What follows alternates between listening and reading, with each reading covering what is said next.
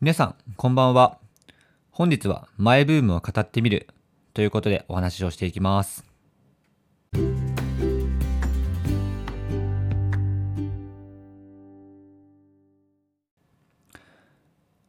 皆さん、こんばんは。ヒロトのふらーっと独り言、えー、本日金曜日始めていきます。えー、今日金曜日ということで、まあ、いわゆる花金ってやつですね。あの、明日から4連休が始まる方なんかも、あの、おそらくいらっしゃるんじゃないでしょうか。はい。僕なんかも明日から4連休あるので、今から何をしようかと、ま、計画を練っているところなんですけども、ま、皆さんはどういう、ま、休日の過ごし方をしてますか、ま、特にね、長期休みとか、あとはこういったね、ちょっと長い休みとか、まあ、意外と悩んだりしませんか？うん。まあ、僕も結構ね、なんかもう、普段とは違う長い期間だからこそ、なんか予定入れなきゃとか、うん、ちょっとね、焦る気持ちもあったりとかして、はい、今からいろいろと計画が練ってます。まあ特にね、なんか趣味に没頭すること、あの、方なんかも結構いらっしゃるんじゃないでしょうか。はい、えー、今回はそんな、あの、休日のことにつながるんですけども、ちょっとマイブームについてお話をしていきます。そうですね。マイブームといっても、まあ本当に皆さんいろいろあると思います。なんか本当に一過性のものから、なんかずっと継続しているものとか、ね、様々あると思うんですけども、僕もそのマイブームがあるので、本日はそれをご紹介していきたいと思います。はい。ちょっと3つほどご紹介するんですけども、まずマイブーム1つ目。えっ、ー、と、革小物ですね。はい。僕、まあ、最近、ほんと革の製品とかが、あの、すごいハマっていて、まあ、特に、あのー、ね、まあ、牛革とか、あとは、まあ、羊の革とか、もういろんなものを、なんかその、まあ、デパートとか、あとはね、直営店とか行くと、まあ、いろいろ売ってるじゃないですか。まあ、そういう、ま、革製品の素材を、まあ、触って楽しんだりとか、あとはね、実際に自分で購入をして、それを毎日使って、あのー、経年劣化を楽しんだりとか、なんか本当に革小物っていろんな楽しみ方があるので、はい。もうその面白さに最近ハマってしまいました。で、そのきっかけが何だったのかというと、まあ、僕ですね、一番最初に買った革小物が、あのー、革のバッグですね。はい。まあ、トートバッグを僕結構使うんですけども、あの、結構前に使ってたトートバッグが結構古くなってしまったので、なんかちょっと買い替えたいなと。うん。で、実際、まあ、買い替えるのでも、ちょっとね、まあ、いいものを、ま使いたいなと思っていたので、まあ、そんな中でいろいろ、やっぱり Google とかで、ね、調べたりした中で、まあ、レザーっていうのが、あのー、一個、まあ、おすすめですよというふうに書いてあったので、まあ、レザー製品、うん、革小物をあのピックアップしようと思いました。まあ、それでいろいろね、調べると、やっぱ奥深いんですよね、革小物って。なんかまあ、バッグ一つにとっても、その、加工の仕方から、あとはその加工の仕方でも、その艶の出し方とか、うん。いろいろとなんかあるみたいで、あとは使う、まあ、革の、品質とか、生後何ヶ月の、牛を使うのかとか、まあ、いろんな、あの、革一つといっても、あの、様々な、あの、色が出ているので、まあ、そういった部分も面白いなと思いました。あとはね、先ほども言ったように、まあ、経年劣化って言って、まあ、使えば使うほど味が出てくる。まあ、それも革の一つの魅力だったりするので、僕はね、そこら辺が、まあ、すごい楽しいなと思って、毎日使ってて、はい、まあ、マイブームの一つとなってます。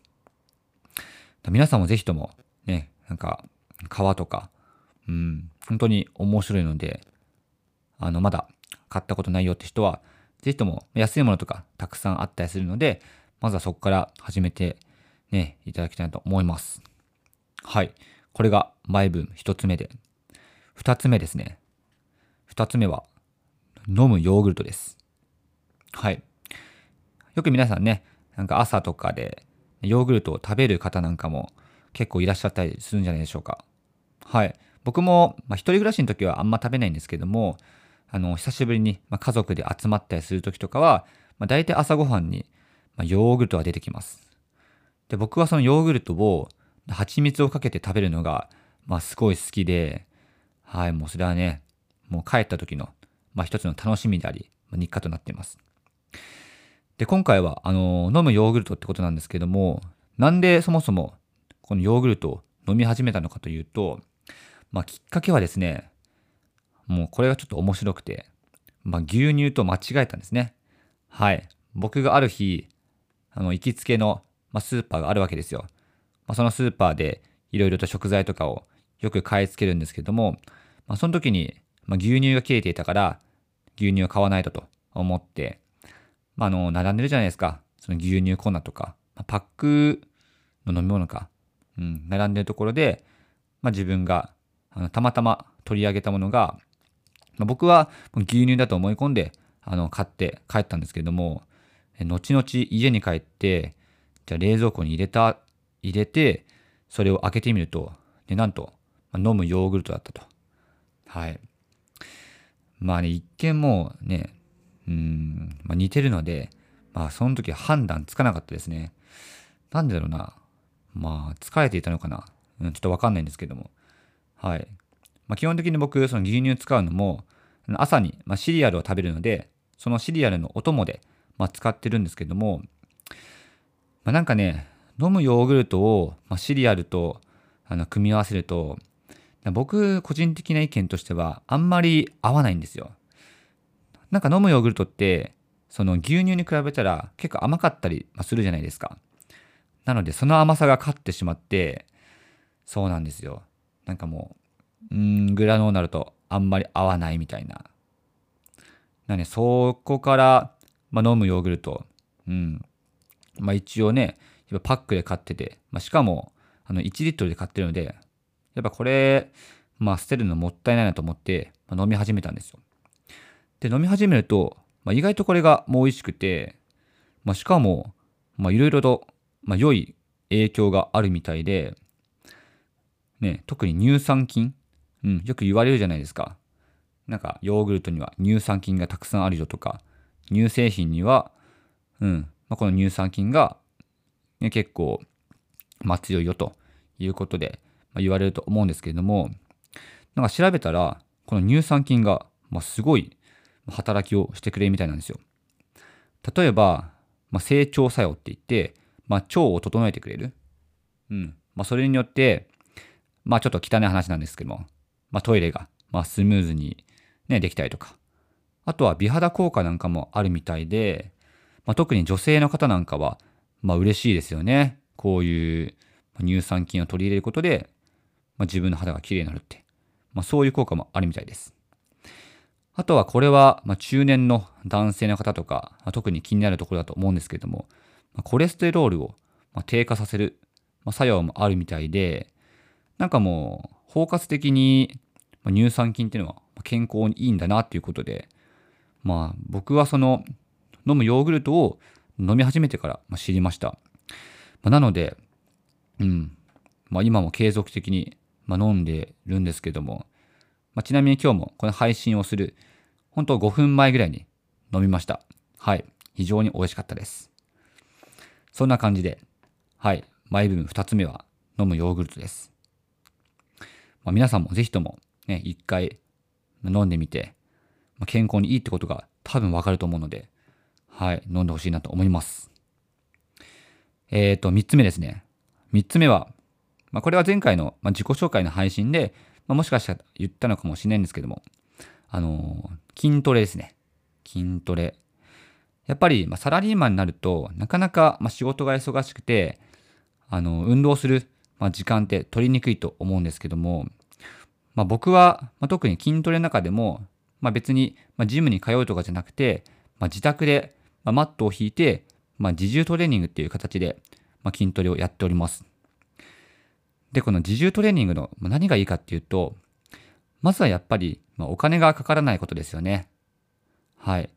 やっぱジムに通うってなると、そのジムの入会費で、で、ある程度のまとまったお金が取られて、あとはジムの、まあね、月会費で、まあ、月々、まあ、5000円とか1万円とかかかったりして、まあ、これはこれで、まあ、ある意味で、まジムに行かないと元が取れないっていう、まあ、強制力が働いていいのかもしれないんですけれども、まあでも、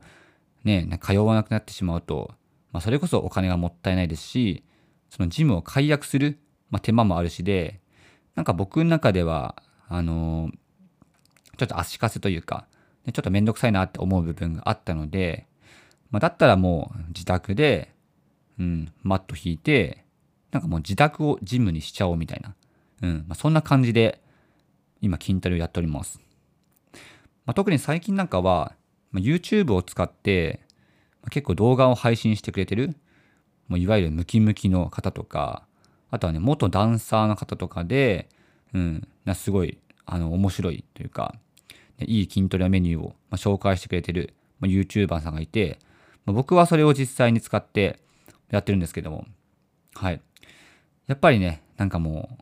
う、うん、プロが配信してるので、本当にもう初心者からすると、ちょっときついかなってぐらい、うん。ちょっときついかなってものを、まあ、ある程度、ね、セット数を多くしてやるっていうのが、まあ、すごい僕の中では、あの、おすすめなので、うん。まあ、だから、よくなんかジムとかで行くと、ね、ダンベルと、ダンベルとか、バーベルとか、なんか重いものを持たなきゃね、いけないのかなっていう、そういう印象あるのかもしれないんですけども、なんか自宅で YouTube とか、うん、そういう動画とかを使って、まあ、筋トレするっていうのは、本当にもう手軽にできますし、まあ、すごい、あの、続けやすいなと思ったので、僕はかれこれ、まあ、3年ぐらい、まあ、続けております。はい。やっぱね、自重なので、まあ、それなりに、ま、体つきが変わるのも、ま、時間はかかるんですけれども、まあ、でも、やっぱりね、ま、継続することが一番だと思っているので、うん。このマイブームということで、ま、続けております。はい。